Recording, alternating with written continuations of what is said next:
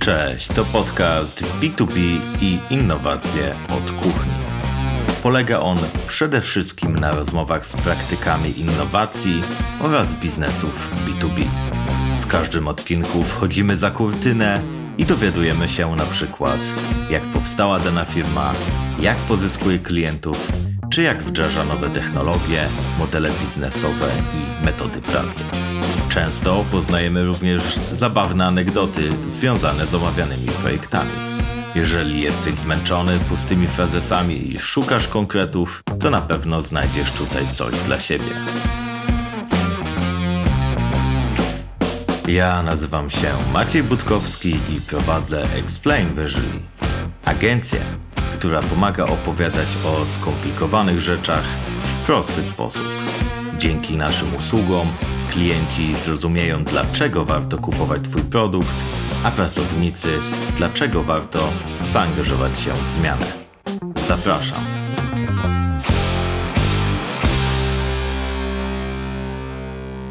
Marek Zmysłowski, którego dzisiaj gościmy, jest postacią nietuzinkową. Najpierw budował w Polsce startup, który miał digitalizować branżę pogrzebową. Potem trafił do Rocket Internet, który wysłał go na czarny ląd, aby zbudował afrykański Booking, znany jako Jumia Travel. Następnie tworzył własny startup Hotel Online, projektując oprogramowanie dla hoteli. Potem jeszcze zarządzał afrykańskim oddziałem RTB House, jednej z większych polskich spółek technologicznych, a obecnie jest znany głównie z założenia razem z Rafałem Pluteckim i Lechem Kaniukiem Sunroofa, czyli firmy, która dostarcza dachy solarne. Ale większość z Was, jeżeli kojarzy Marka, to w ogóle nie z tych rzeczy, a z tego, że jest autorem bestsellera i to naprawdę chyba bestsellera, bo wiele osób, które znam tę książkę czytało, czyli książki Goniąc czarne jednorożce, gdzie opisuje swoje doświadczenia biznesowe i nie tylko biznesowe. Także cieszę się, Marek, że mamy okazję porozmawiać. No i no, witam Cię w podcaście. Cześć Maćku, dziękuję za zaproszenie. Bardzo miło mi zawsze, jak słyszę takie intro, zastanawiam się, co to za fajny koleś, co taki ma background. To niemożliwe, aż muszę teraz dowieść tą obietnicę ciekawej rozmowy. No, będę trzymał kciuki i postaram się pomóc. Więc może wiesz, zacznijmy od początku i od tej historii, która jest taka chyba najbardziej kuriozalna, czyli to, że digitalizowałeś rynek pogrzebowy i to się wiązało z walką z branżowym betonem, układami, nawet mafią. Pytanie, jak patrzysz w ogóle na te doświadczenia z perspektywy lat, bo wiem, że robiłeś to wiele lat temu i czy dzisiaj byś jakoś inaczej podszedł do, do tego tematu? No tak, ten startup Mementis.pl to była moja pierwsza taka prawdziwa przygoda ze startupami. Prawdziwa w tym sensie, że tam był fundusz VC, tam były pieniądze, była odpowiedzialność za inwestorów i spółkę. I mówiąc prosto, tam popełniłem wszystkie podręcznikowe błędy. Więc jak ja patrzę na to, co tam się działo, to to była lista rzeczy, których nie powinienem robić jako, jako startupowiec. Bardzo cenne doświadczenie. Natomiast wiele rzeczy, które wtedy zauważyłem i zasad, których wtedy się trzymałem, mimo wszystko trzymam się ich do teraz. A między innymi metodologia wyboru trochę startupów czy biznesów. Bo to, że powinniśmy robić to, co nam się bardzo podoba, to to jest chyba oczywiste, bo nie możesz robić czegoś, czego nie lubisz tylko dla kasy, bo to prędzej czy później ci zbrzydnie, niezależnie od tego, ile to ci przynosi kasy. Też to przerabiałem. Ale ja sobie wtedy wypracowałem taką metodologię, że obserwowałem rynki, które są już, że tak powiem, osadzone, gdzieś tam jest jakiś status quo, który jest utrzymywany przez liderów tego rynku. Mhm. I to są rynki, które, których dotychczas zmiany dokonywały się bardzo długo i liderzy tych rynków trochę komfortowo się zaczęli czuć w tych swoich pozycjach i przestali analizować zmiany. Mhm. I wtedy nagle przychodzi taka fala tsunami, typu nowa technologia, która wszystko zmiata, układa na nowo i to jest wtedy moment, żeby wskoczyć do tej wody i można bardzo szybko przeskoczyć tą pozycję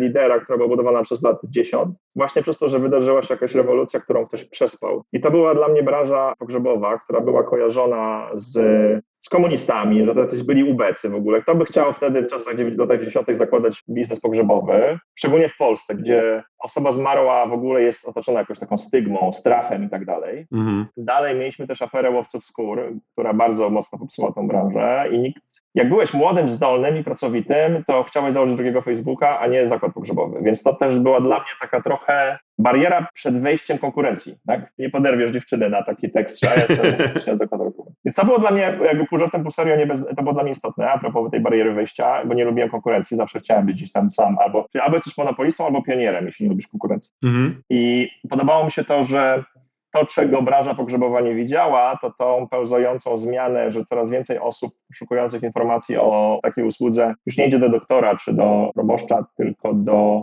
internetu, a przez to, że jest to usługa, z której ty średnio korzystasz jako Kowalski statystycznie 2,5 raza w ciągu roku, mhm. bo tyle statystycznie osób pochowasz, to ta zmiana się dzieje bardzo powoli. To nie jest tak jak z restauracjami, tak, że zobacz, pokazałeś reklamę i wystarczy 3 godziny, żeby ktoś zgłodniał, tak, i już może skorzystać z swojej usługi. No tak. I to jakby ta metodologia jest mi cały czas bliska, jak wybieram sobie inne, inne biznesy. Gdzieś tam lubię ten rynek dzięki nowym technologiom zmieniać i zmieniać status quo i wykopywać liderów z ich pozycji, takim, którym się wydaje, że już im się wszystko należy. Ale poza tym taki typowy wspomniany zapał takiego przedsiębiorcy młodego to, takie wybiórcze analizowanie faktów pod twoją tezę, wydawanie kasy na 1500 funkcjonalności w serwisie, których nikt w życiu nie, nie potrzebował i tak dalej, i tak dalej. To są takie rzeczy już oczywiste, ale wtedy no, takie typowe błędy życia codziennego. Właśnie mi się kojarzy to, co powiedziałeś a propos tej branży i konkurencji, że kiedyś czytałem takie zdanie, że wybierając biznes, zastanów się, czy chcesz konkurować z absolwentami Stanfordu dopalanymi milionami z VC,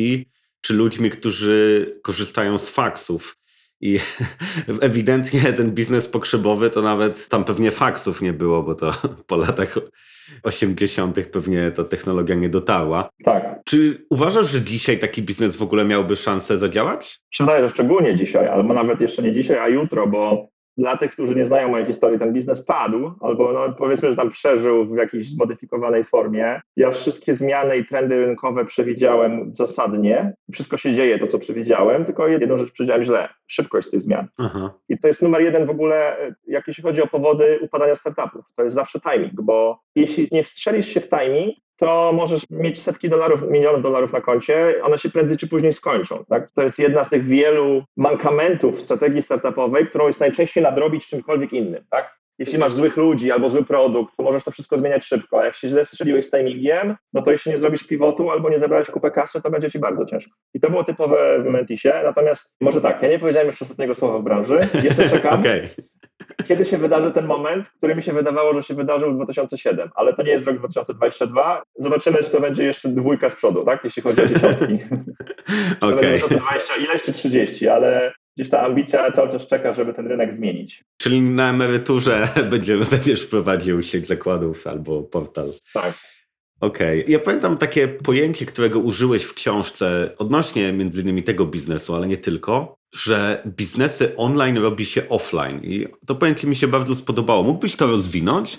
Tak, to była taka lekcja biznesu Nigerii, czyli pierwszego kraju, który rozwijaliśmy wtedy z Rocket Internet. I dla mnie to było takie oczywiste, tak? W Polsce wszyscy są w internecie, otwieram sobie jakąś stronę internetową i zaczynam ją promować w internecie. A my w tej Nigerii w 2013 z budżetami Rocket Internet, dla tych, którzy nie znają, jeden z większych funduszy takich trochę budujących startupy na świecie, to my tam kupiliśmy w Google wszystko, co się dało kupić. Tak? I jak my mieliśmy dowozić wzrosty 20% miesiąca na miesiąc, żeby nasi inwestorzy chcieli nam dokładać więcej kasy, -hmm. to ja już nie miałem czy kupować w Google, bo nie było więcej wyników. czy zapytań, więc trochę siłą rzeczy zaczęliśmy reklamować się offline. I to jest strategia, która dzisiaj już jest jakby naturalna, tak? Widzimy serwisy internetowe, które wchodzą do ulicy, no i na odwrót oczywiście. Ale wtedy to było nie aż takie oczywiste i Nigeria do dzisiaj jest krajem, gdzie Google wykupuje jeszcze reklamy w telewizji, żeby trochę budować rozpoznawalność marki. To jest to coś, o czym się w ogóle, no jakby Google w Polsce miałby się reklamować telewizja, po to wszyscy wiedzą, tak? To już trafiło do popkultury. A to nie jest takie oczywiste w rynkach o mniejszej adopcji technologii i o niższej edukacji średniej. I my mieliśmy wtedy no, pośród wielu tam modeli biznesowych ja byłem odpowiedzialny za online travel, więc po prostu budowaliśmy kioski sprzedaży na lotniskach i, i ludziom czekającym na check-in oferowaliśmy e, na check-in do samolotu, bo tak to byli klienci. My oferowaliśmy koncepcję zabukowania hotelu online, bo to było coś nowego wtedy w Nigerii. Nigeria to, jest tak, to był taki kraj last minute, że po prostu lądujesz w mieście i pytasz się taksówkarza, tutaj zawieź mnie do jakiegoś hotelu tam poniżej 5 dolarów. Więc my dowoziliśmy te wzrosty po prostu wchodząc offline w naszym sklepie e-commerce'owym zaczęliśmy inwestować w billboardy, i fizyczne punkty odbioru, bo mieliśmy bardzo duży problem z brakiem zaufania do kupowania czegoś przez internet z oczywistych powodów. Więc często jest tak, że płatność była za pobraniem, czyli przy odbiorze, ale ten odbiór musiał być u nas, żeby no bo mieliśmy bardzo duży problem może tak z kradzieżami, że ktoś zamawiał telewizor, płatność przy odbiorze, a tam po drodze do tego adresu czekało trzech zbirów i po prostu okradało naszego kuriera. O. Natomiast rozwiązując problem kradzieży i niebezpieczeństwa dbania o życie i zdrowie naszych kurierów, tworzyliśmy sobie mechanizm do budowania zaufania, bo jak ktoś przychodził i odbierał ten produkt u nas i rzeczywiście zobaczył, kurde, na stronie internetowej była dobra cena i odbieram to, co zamówiłem, no to pierwsze dwa razy tak zrobił, a za trzecim razem już nam zaufał, tak? Więc to było to budowanie, to było edukowanie klienta, sprzedaż przez edukację, i offline reklama marki online, po to, żeby ten klient potem już się nie bał. Mhm, Okej. Okay. Tam też pamiętam taki był fragment, też jak rozmawialiśmy wcześniej, że o, o budowaniu partnershipów. Budowanie partnershipów polegało na tym, że no po prostu jeździliście po tych hotelach i sprawdzaliście, czy jak one wyglądają i tak dalej. Mógłbyś trochę opowiedzieć o tym, jak to wyglądało, bo też dla tych, co nie wiedzą, no, w Nigerii baza hotelowa nie wygląda tak jak wiem, tak. we Włoszech. Tak, no, my budowaliśmy online travel, czyli taki typowy two-sided marketplace. To, to są biznesy typu booking.com, gdzie musisz z jednej strony mieć hotele, z drugiej strony klientów. To jest y, biznes typu Uber, gdzie z jednej strony musisz znaleźć kierowców, z drugiej strony klientów, czy Glovo, tak, restauracje i klientów. I to jest o tyle triki, że musisz budować te dwie gałęzie na raz, bo restauracja ci nie podpisze papier umowy czy hotel, jeśli nie będziesz kolejnego dnia dawał im klientów albo nie pokazał skali, bo inaczej im się nie chce tracić czasu na gadanie z tobą. A z drugiej strony klient nie zacznie z ciebie korzystać, jeśli nie wejdzie na aplikację i nie zobaczy tam odpowiednio dużego wyboru, tak? Powiedzmy, że to musi być minimum 15 restauracji w okolicy albo minimum 5 hoteli w danym mieście w moim budżecie z takimi wyganiami jak chcę. To jest taki moment, w którym klient mówi, ok, to jest już duży wybór, bo to mhm. mentalnie w zależności od rodzaju klienta i geografii to jest inna liczba. Więc musisz bardzo szybko budować te dwie gałęzie biznesu naraz, bo nie możesz zbudować najpierw jednej, potem drugiej, bo to ci się rozsypie. I my mieliśmy tyle duży problem, że wtedy nie było hoteli w Google Maps, tak? To, to no. My dodawaliśmy hotele do Google Maps. Nie było żółtych książek telefonicznych, tylko po prostu się płaciło taksówkarzowi, właśnie temu pierwotnemu brokerowi turystycznemu, weź tutaj rozwieźć po wszystkich hotelach w twojej okolicy, no bo ja chcę sobie je poznać i musieliśmy za to płacić. I w ten sposób my oddolnie tą bazę danych hoteli musieliśmy budować. Dopiero wtedy musieliśmy my, czyli ja, a potem nasze działy sprzedaży, nie tylko sprzedawaliśmy nasze usługi przez edukację, jeśli chodzi o klienta końcowego, o którym już powiedziałem, ale też pozyskiwaliśmy tak zwane inwentory poprzez edukację, czyli my w roku 2013 wbijaliśmy się do hotelu i mówiliśmy, że zaraz to tutaj wszyscy będą bukować przez internet, co dla nich wtedy było w ogóle jakimś, jakąś czarną magią. I jeśli oni się nie znajdą w internecie, to stracą dużą część klientów, a ze mną jest o tyle dobrze, że będą mi płacić tylko wtedy, kiedy ja im przyniosę tego klienta, który się zaczekuje, zapuka na recepcji i powie, że jest od nas i dopiero wtedy nam płaci, więc jest małe ryzyko, bo akurat taki był, to była taka faza adopcji technologii, tak? Dzisiaj hotele już wiedzą, inwestują już same we własne strony internetowe, silniki rezerwacyjne, czy nawet zatrudnią własnego gościa od IT, a wtedy to ja tłumaczyłem, na czym polega Google, tak, żeby, żeby pamiętać. I to, okay. jest, to była bardzo ciężka praca, nie tak powiem, akwizytorsko-sprzedażowa, żeby w ogóle otworzyć stronę z, z rezerwacją, tak? Jak my, czyli ta nasza spółka portfelowa zaczęła sprzedawać te buty i laptopy przez internet, to my musieliśmy kupić własne ciężarówki i skutery, które to rozwoziły i, i musieliśmy sami ściągać kontenerami te buty z Chin i mieć własne magazyny, bo to nie jest tak jak w Polsce czy w Stanach kiedyś, że po prostu robiłeś just in time, korzystałeś z funkcjonującego DHL-a, tylko musiałeś tą całą infrastrukturę budować od zera i to, to się nie opłacało tak naprawdę. My na to mieliśmy pieniądze tylko dlatego, że mieliśmy inwestorów z odpowiednio dużymi portfelami, którzy założyli, że dobra, no, demokracja powinna wygrać wszędzie, no może nie koniecznie demokracja, ale kapitalizm, mhm. a skoro kapitalizm, to jakaś tam forma globalizacji, unifikacji zachowań konsumenckich. I jednym z tych etapów będzie to, że e-commerce będzie wszędzie, więc skoro w e-commerce zwycięzca bierze wszystko, tam case in point Alibaba i Amazon w danym rynku, no to my po prostu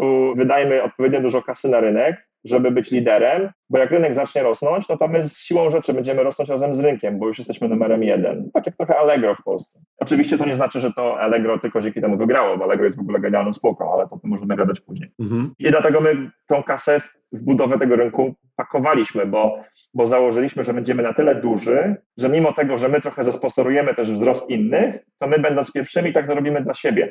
To jest trochę podobny case do tego, co robi teraz Facebook i Google w Afryce, czyli po prostu dają wszystkim darmowy internet, bo wyrzucają w kosmos własne satelity i balony z internetem. bo Google i Facebook są na tyle dużym graczem, że nawet jak zasponsorują, wiesz, rozwój i darmowy internet wszystkim, to odpowiednio duża część budżetu domowego trafia koniec końców do Facebooka i Google'a, że im to się opłaca, tak? Mhm. My to robiliśmy na mniejszą skalę, tylko w, w sektorze e-commerce, a nie całego internetu, tak?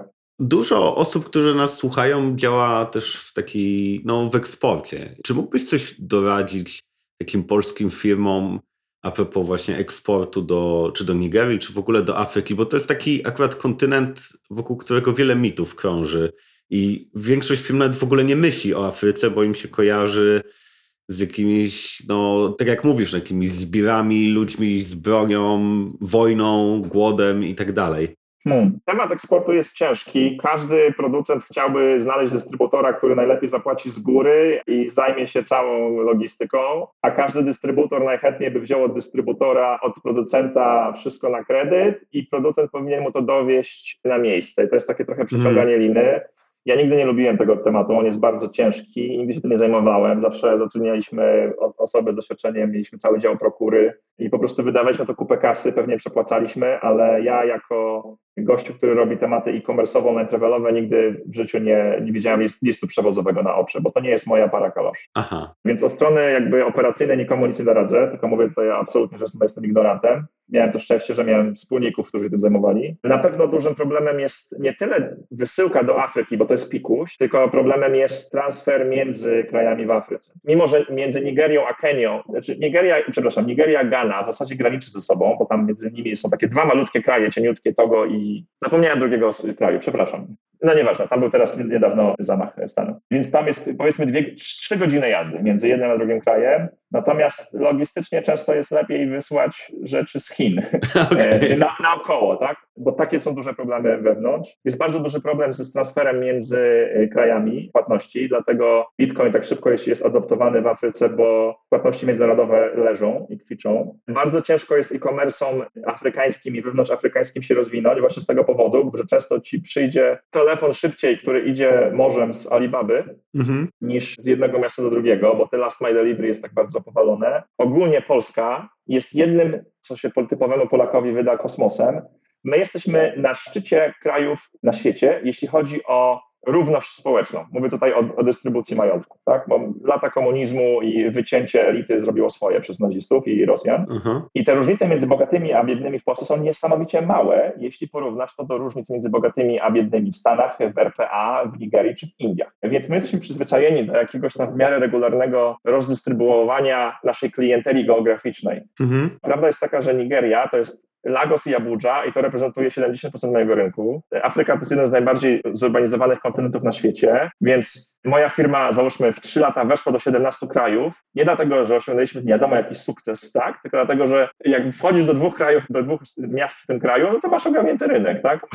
okay. 50% ludzi, którzy mają pieniądze, są w obrębie 10 km od twojego magazynu i tyle. I żeby się rozwijać dalej, musisz iść dalej do kolejnego kraju, a konkretnie rzecz biorąc do miasta. I może od strony logistycznej to jest łatwe, mm-hmm ale żeby cokolwiek sprzedać jest niesamowicie ciężko, bo na 200 milionów mieszkańców w Nigerii masz 2 miliony ludzi, którzy zarabiają więcej niż 1000 dolarów miesięcznie, tak? Czyli to jest, jeśli chodzi o, europejską klasę średnią, czy o polską klasę średnią, to Nigeria jest wielkości Warszawy, tak? Jeśli chodzi o siłę zakupową, więc zapomnij o robieniu dużego biznesu, jeśli sprzedajesz produkt dla klasy średniej i wyższej, tak? A z drugiej strony przez to, że mamy duży problem infrastruktury, koszty transportu, duże ryzyko, korupcja, roz, y, brak dobrej jakości dróg i firm transportowych, to żeby zarobić na produkcie dla mas, czyli na cukrze, mleku czy y, jakimś tam, nie wiem, jabłkach, co chociaż jabłka to jest produkt, to jest de facto produkt no. egzotyczny w Nigerii, to jest bardzo ciężkie, bo tam trzeba zrobić naprawdę dużą skalę, a dużej skali nie zrobisz na odległość. No chyba, że będziesz osobą jedną na milion i akurat ten jeden największy dystrybutor z Nigerii, który kontroluje rynek, upodobał sobie twój produkt.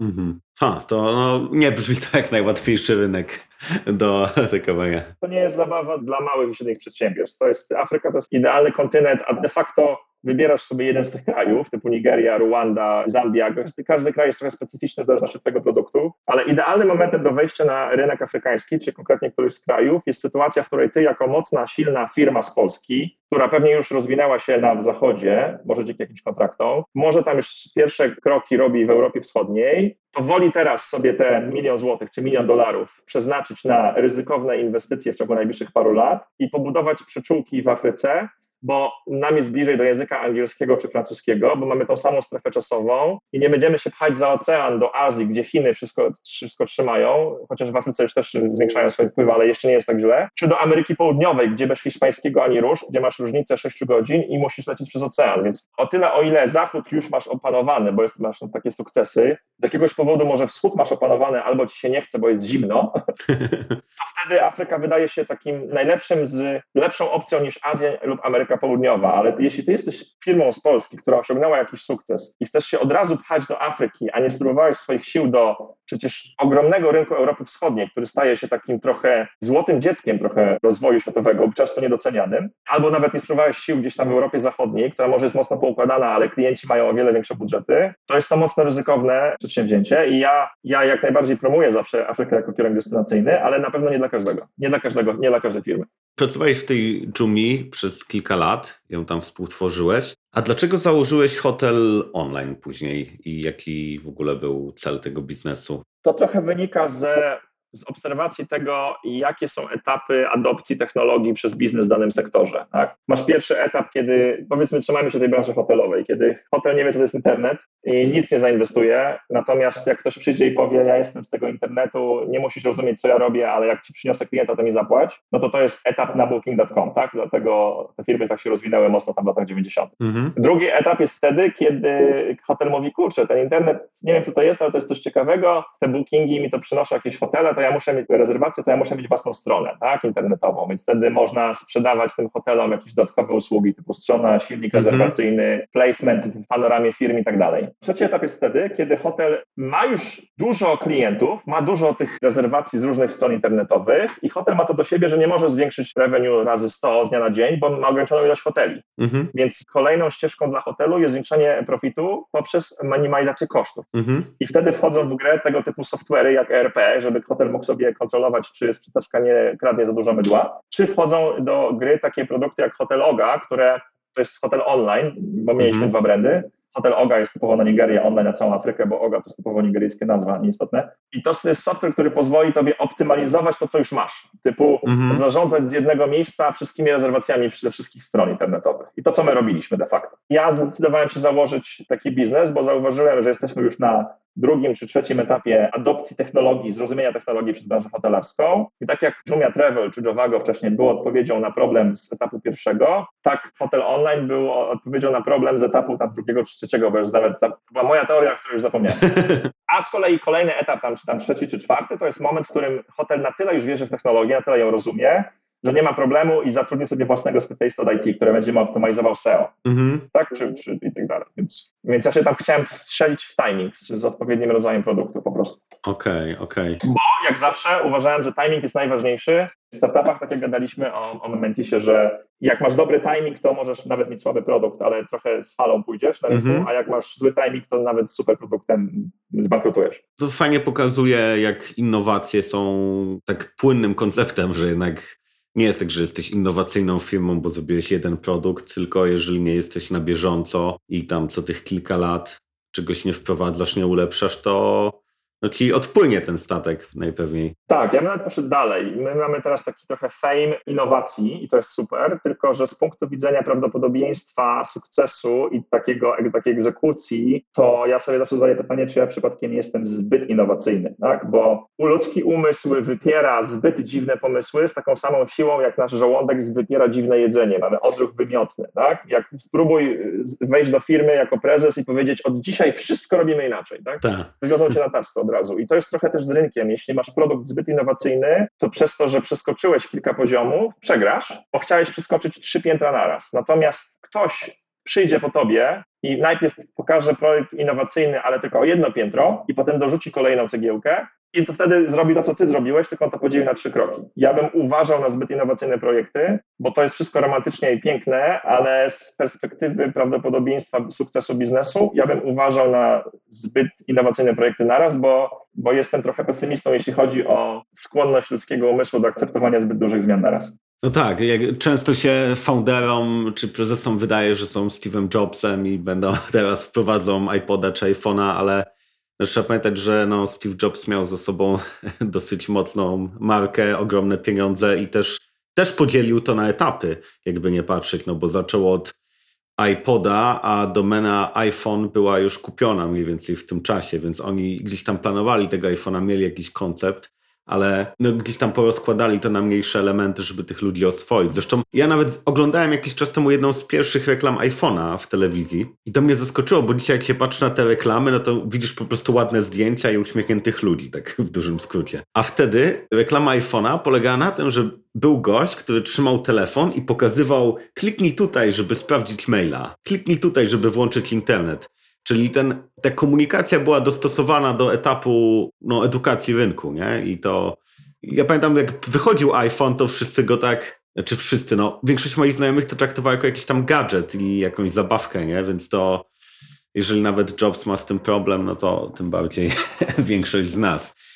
Właśnie chciałbym Cię zapytać a propos innowacji, właśnie o temat Sunroofa, no bo jak rozmawialiśmy, to mówiłeś, że trochę byłeś zmęczony działaniem w świecie bitów, chciałeś zacząć działać w świecie atomów. No i Sunroof ewidentnie działa w świecie atomów. I czym się dla Ciebie różni w ogóle prowadzenie firmy, która działa w IT versus firmie, która no, produkuje produkt, którego można dotknąć, powąchać? Tak, rzeczywiście. W ciągu ostatnich paru lat dość dużo zmian wprowadziłem do swojego życia, zgodnie z zasadą, że raz na jakiś czas trzeba zrobić przewietrzenie w mieszkaniu, bo to mi dało trochę drugą młodość. Po pierwsze zmieniłem geografię, dużo się angażuję w Amerykę Łacińską i Centralną, bo to jest zupełnie nowa geografia, zupełnie nowy sektor, zupełnie nowy obszar i język. Mój cały jakby neuro, neuroplastyka mojego mózgu oszalała, bo muszę się wszystkiego uczyć naraz i poszedłem za ciosem i też zmieniłem. Zacząłem się angażować może tak w tematy mocno fizyczne. To trochę wynikało też z tego, że chyba na starość, chociaż może nie wiem, na, na dojrzałość, gdzieś tam sobie człowiek zdaje sprawę, szczególnie taki młody gość jak ja, który potem dojrzewał,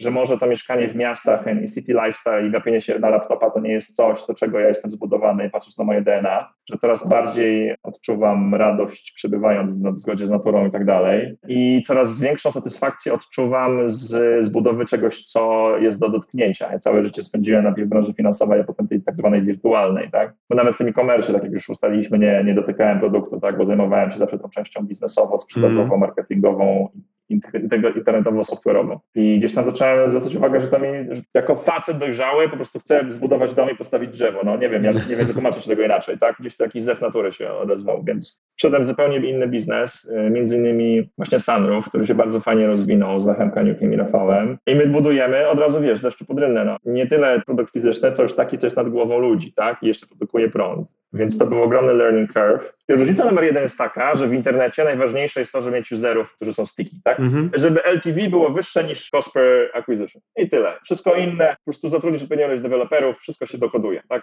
Tu jest zupełnie na odwrót. Tutaj klientów będziesz miał więcej niż ever potrafisz obsłużyć, szczególnie jak trafisz na fajny trend typu auto elektryczne i fotowoltaika. Mhm. Natomiast problem numer jeden, który wymaga niesamowitych pokładów, talentu, skillsów, zasobów ludzkich i pieniędzy przede wszystkim, to jest tak zwany operational excellence. To są problemy z zamówieniami, dostawy z Chin, kanał Suezki, szalejące ceny chipów i na koniec dnia dekarzy, tak? których jest coraz mniej, bo brakuje ludzi, którzy mają fach w ręku. I ja jako gościu, który zawsze siedział w tej części marketingowo-sprzedażowo-biznesowej, byłem w szoku, że no wiesz, ludzie, że prezes mi mówi, czyli tutaj Lech mówi mi, Marek, przestań już, nie rób nic więcej, bo my musimy odsyłać klientów z kwitkiem, tak? Pomóż z logistyką. I to był ogromny taki szok. E, tak jak w Afryce ten learning polegał na tym, że biznes online robi się offline, tak tutaj ten e, zmiana paradygmatu polega na tym, że klient to jest najmniejszy problem. Obsłużenie tego klienta dostarczenie mu tego produktu, który on kupił, zainstalowanie, podłączenie do prądu, czyli to wszystkie tematy operacyjne,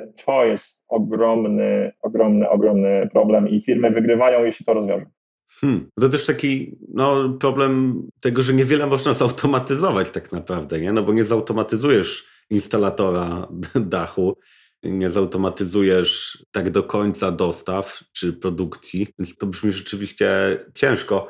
Zastanawia mnie, jakby, czy coś z tego świata startupów, jakieś perspektywy, czy też takie modele mentalne ci się przydają w tym sunroofie? Coś, co możesz, wiesz, wnieść, mając taką inną perspektywę, inny w ogóle zestaw doświadczeń niż ludzie działający w świecie fizycznym na co dzień? Bez wątpienia. O ile ogarniemy te problemy strategiczne, kluczowe dla rozwoju firmy, czyli dowieść to, co sprzedałeś, tak, to nasz background technologiczny jest dla nas ogromną przewagą, bo rozumiemy internet jak żadna inna firma z, z konkurencji. Tak naprawdę jedyna firma technologiczna, która może, która też się zabrała za dachy, która może z nami konkurować, jeśli chodzi o zrozumienie branży technologicznej i online, to jest Tesla. Ale Tesla ma zupełnie inną strategię. Oni przede wszystkim sprzedają auta, które się sprzedają w ciepłe bułeczki i potem robią upselling na dachy. Mhm. Nie mają Elona Muska, którego jeden tweet ma, ma większy ekwiwalent reklamowy niż, wiesz, milion dolarów wydany w No. Google, więc oni Tesla w ogóle nie wydaje kasy na performance marketing, a my możemy to zrobić, więc to nasze podejście typowo startupowe bardzo nam pomaga w marketingu i sprzedaży, tylko możemy wykorzystać, tak, wypuścić tego y, byka na arenę cyrkową, jeśli jest już ktoś, kto potem ten dach y, zbuduje. Także to jest taki drzemiący trochę monster u nas, który wiemy, że wygramy, tylko trzeba rozwiązać problemy strategiczne typu dekarz, nie? I, i dostarczenie Okej. palety na czas pod budowę domu. Właśnie, wiesz, tak y, powoli się zbliżamy do końca, ale właśnie chciałbym tutaj cię o to zapytać. Ja mam wrażenie, że wszyscy się teraz zajmują fotowoltaiką. Nawet wśród naszych klientów chyba obsłużyliśmy już ze cztery firmy, które to robią. I jeżeli ten rynek jest tak gęsto zaludniony, to jak właściwie na nim sprzedajecie? Czy to jest tak, że on tak rośnie, że i tak podaż nie nadąża za popytem i jeżeli założysz firmę fotowoltaiczną, nie wiem, w ciągu roku, to i tak pewnie będziesz miał klientów, czy Tak. tak, okej. To jest w ogóle normalne. Jak, jakby był taki etap, kiedy wszyscy robili trzeci filar, był taki etap, kiedy wszyscy robili drugi filar, był taki etap, kiedy wszyscy przepinali abonamenty komórkowe z jednego na drugi, był taki etap, kiedy wszyscy się rzucali na zmianę twojego dostawcy energii. To jest taki moment, kiedy wszyscy się rzucają na rynek, bo popyt jest ogromny, więc psuje się rynek, bo mamy słabą jakość, ale jednocześnie w bólach rodzi się wyedukowany klient, który koniec końców wybierze jakość. Jest to po prostu moment. Jak ty przechodziłeś takie fazy w innych sektorach, to jesteś spokojniejszy. Więc my instalujemy, my inwestujemy w brand, my inwestujemy w zróżnicowanie, odróżnienie się od czegoś, i trochę edukujemy też tego klienta i po prostu czekamy, aż ta jakość będzie kluczowym elementem wyboru tego produktu.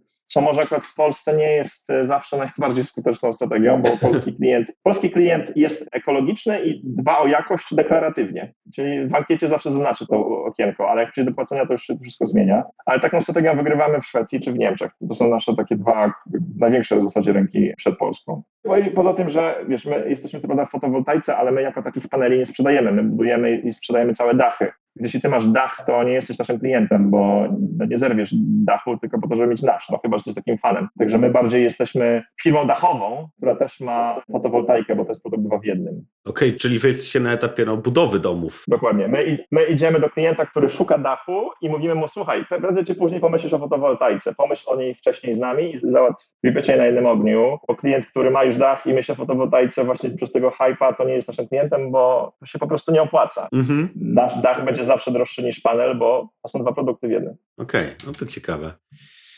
Dobra, Marek, no dzięki wielkie za to, że się podzieliłeś tymi doświadczeniami. To było fajne, bo y, ja, taka też jest idea tego podcastu, żeby rozmawiać tylko z praktykami, a ty tutaj miałeś dużo praktyki dosyć bolesnej momentami przez te lata, chociaż mówisz o tym w lekki sposób, ale to zawsze tak jest po czasie.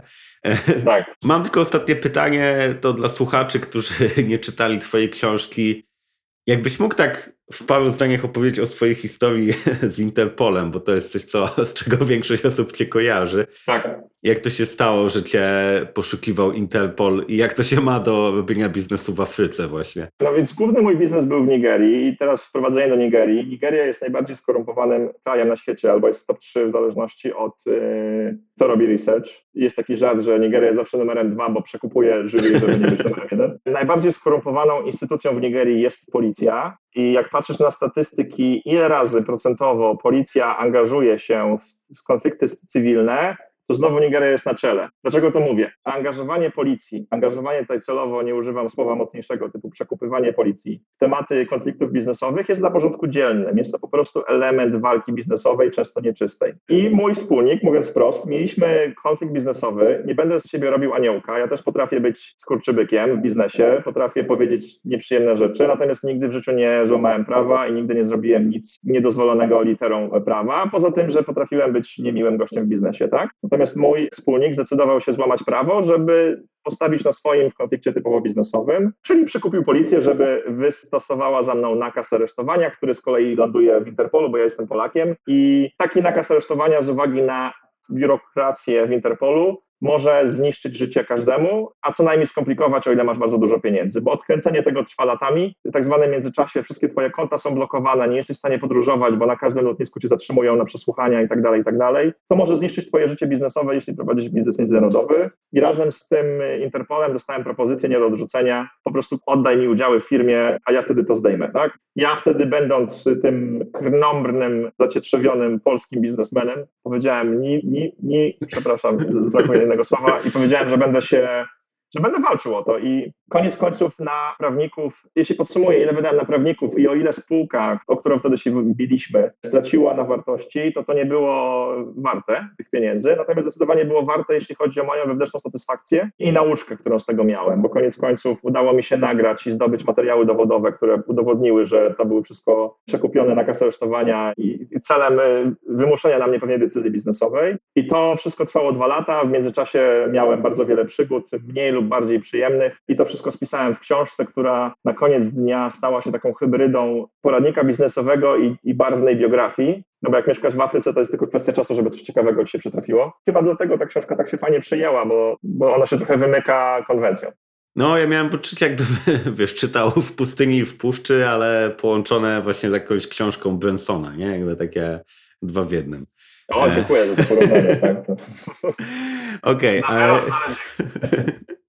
to ostatnio mam pytanie. Słuchaj, co cię najbardziej zaskoczyło, a co cię rozbawiło, wiesz, przez te lata biznesowe? Jeżeli chodzi o zaskoczyło, to może być coś, co ci się wydawało, że jakoś jest, jeżeli chodzi o biznes, a jest zupełnie inaczej. Im większe liczby w grze, im większa stawka, tym mniej liczy się Excel, a bardziej liczą się relacje. O. Ja zawsze myślałem, że mój charakter się zmieni z czasem, typu to, że ja się szybko nudziłem rzeczami, to jest kwestia młodości, że nie lubię Excela, to jest kwestia młodości i tak dalej. A prawda jest taka, że to zostaje, bo jesteś tak zbudowana, nie inaczej i może to być zawsze twoją ogromną słabością, ale ja się z tym pogodziłem, że mam uczulenie na Excela i tak naprawdę w głębi duszy jestem biznesmenem, sprzedawcą, marketingowcem, biznes deweloperem i to może być moja pięta Achillesowa, jeśli będę sam prowadził firmy, ale jeśli znajdę sobie wspólnika, który potrafi zabezpieczyć tyły, który jest dobry w tym, w czym ja jestem słaby i na odwrót, ubiorę to inaczej. W, takie, w taką moją największą lekcję z biznesu, że w związkach, czy w ogóle w przyjaźniach, my lubimy łączyć się z ludźmi, którzy są nam podobni, bo od razu mm. gra chemia, tak? Śmiejemy się z tych samych dowcipów, mamy te same pasje i tak dalej. I to fajnie działa w związkach i w kumplowaniu się. Natomiast w biznesie powinieneś pójść counterintuitive, powinieneś sobie znaleźć osobę, która przede wszystkim wypełnia twoje słabe strony, gdzie ona jest silna. Musisz się przygotować na to, że łamanie pierwszych lodów będzie ciężkie, że na początku będzie dużo nieporozumień, bo jesteście zbudowani z innej gliny, ale jak się nauczycie ze sobą obcować i pracować, to stworzycie taki bulletproof duet albo team, w zależności ile was jest, bo się razem uzupełniacie. I tego typu biznesy, czy w ogóle też można pociągnąć pod teorię budowania zespołów w korporacji, nie? czyli takie diverse zespoły, gdzie mamy ludzi z różnych krajów, o różnych nie tylko osobowościach, ale też innych krajach, wyznaniach religijnych, już nie mówiąc o płci czy orientacji seksualnej, o tyle o ile oni przebiją się przez te pierwsze nieufności, bo, wie, bo my wiemy, jacy ludzie są, tak? Jak ktoś mm jest inny, to nasz gadzi mózg nam mówi, a uważaj na niego, tak? Tego się bierze ksenofobia, rasizm i tak dalej. Jak my to przebijemy, to tego typu teamy działają najlepiej, więc ja się nauczyłem patrzeć poza swoje ego i poza swoje pierwsze wrażenia, które są często dyktowane nie tyle intuicją, co gadzim mózgiem i zacząłem robić biznesy z ludźmi różnymi od siebie i wtedy wszystko się zmieniło na plus razy 10. Okej, okay, no to dobra lekcja na sam koniec. Sam chętnie tego wysłucham, bo też mam taką tendencję do szukania właśnie ludzi podobnych do siebie, wiadomo. Tak, podobasz mi się, napijmy się piwa, to zróbmy biznes, tak? I to, no. jest, to, to, chyba nie tak. Nie, to, nie, znaczy nie, nie tyle nie tędy droga, bo pewnie dużo jest historii sukcesu, które się tak zaczęły, ale jak komuś to nie idzie, to próbuję zrobić to na odwrót. Mhm, Okej, okay. dobra, dzięki, dzięki wielkie Marek za, za naszą dzisiejszą rozmowę i co, no życzę miłego, nie wiem, w jakiej jesteś strefie czasowej, czy popołudnia, czy poranka, popołudnia. Okej, no to wszystkiego dobrego w takim razie i do zobaczenia. Dzięki za zaproszenie i pozdrawiam wszystkich słuchaczy.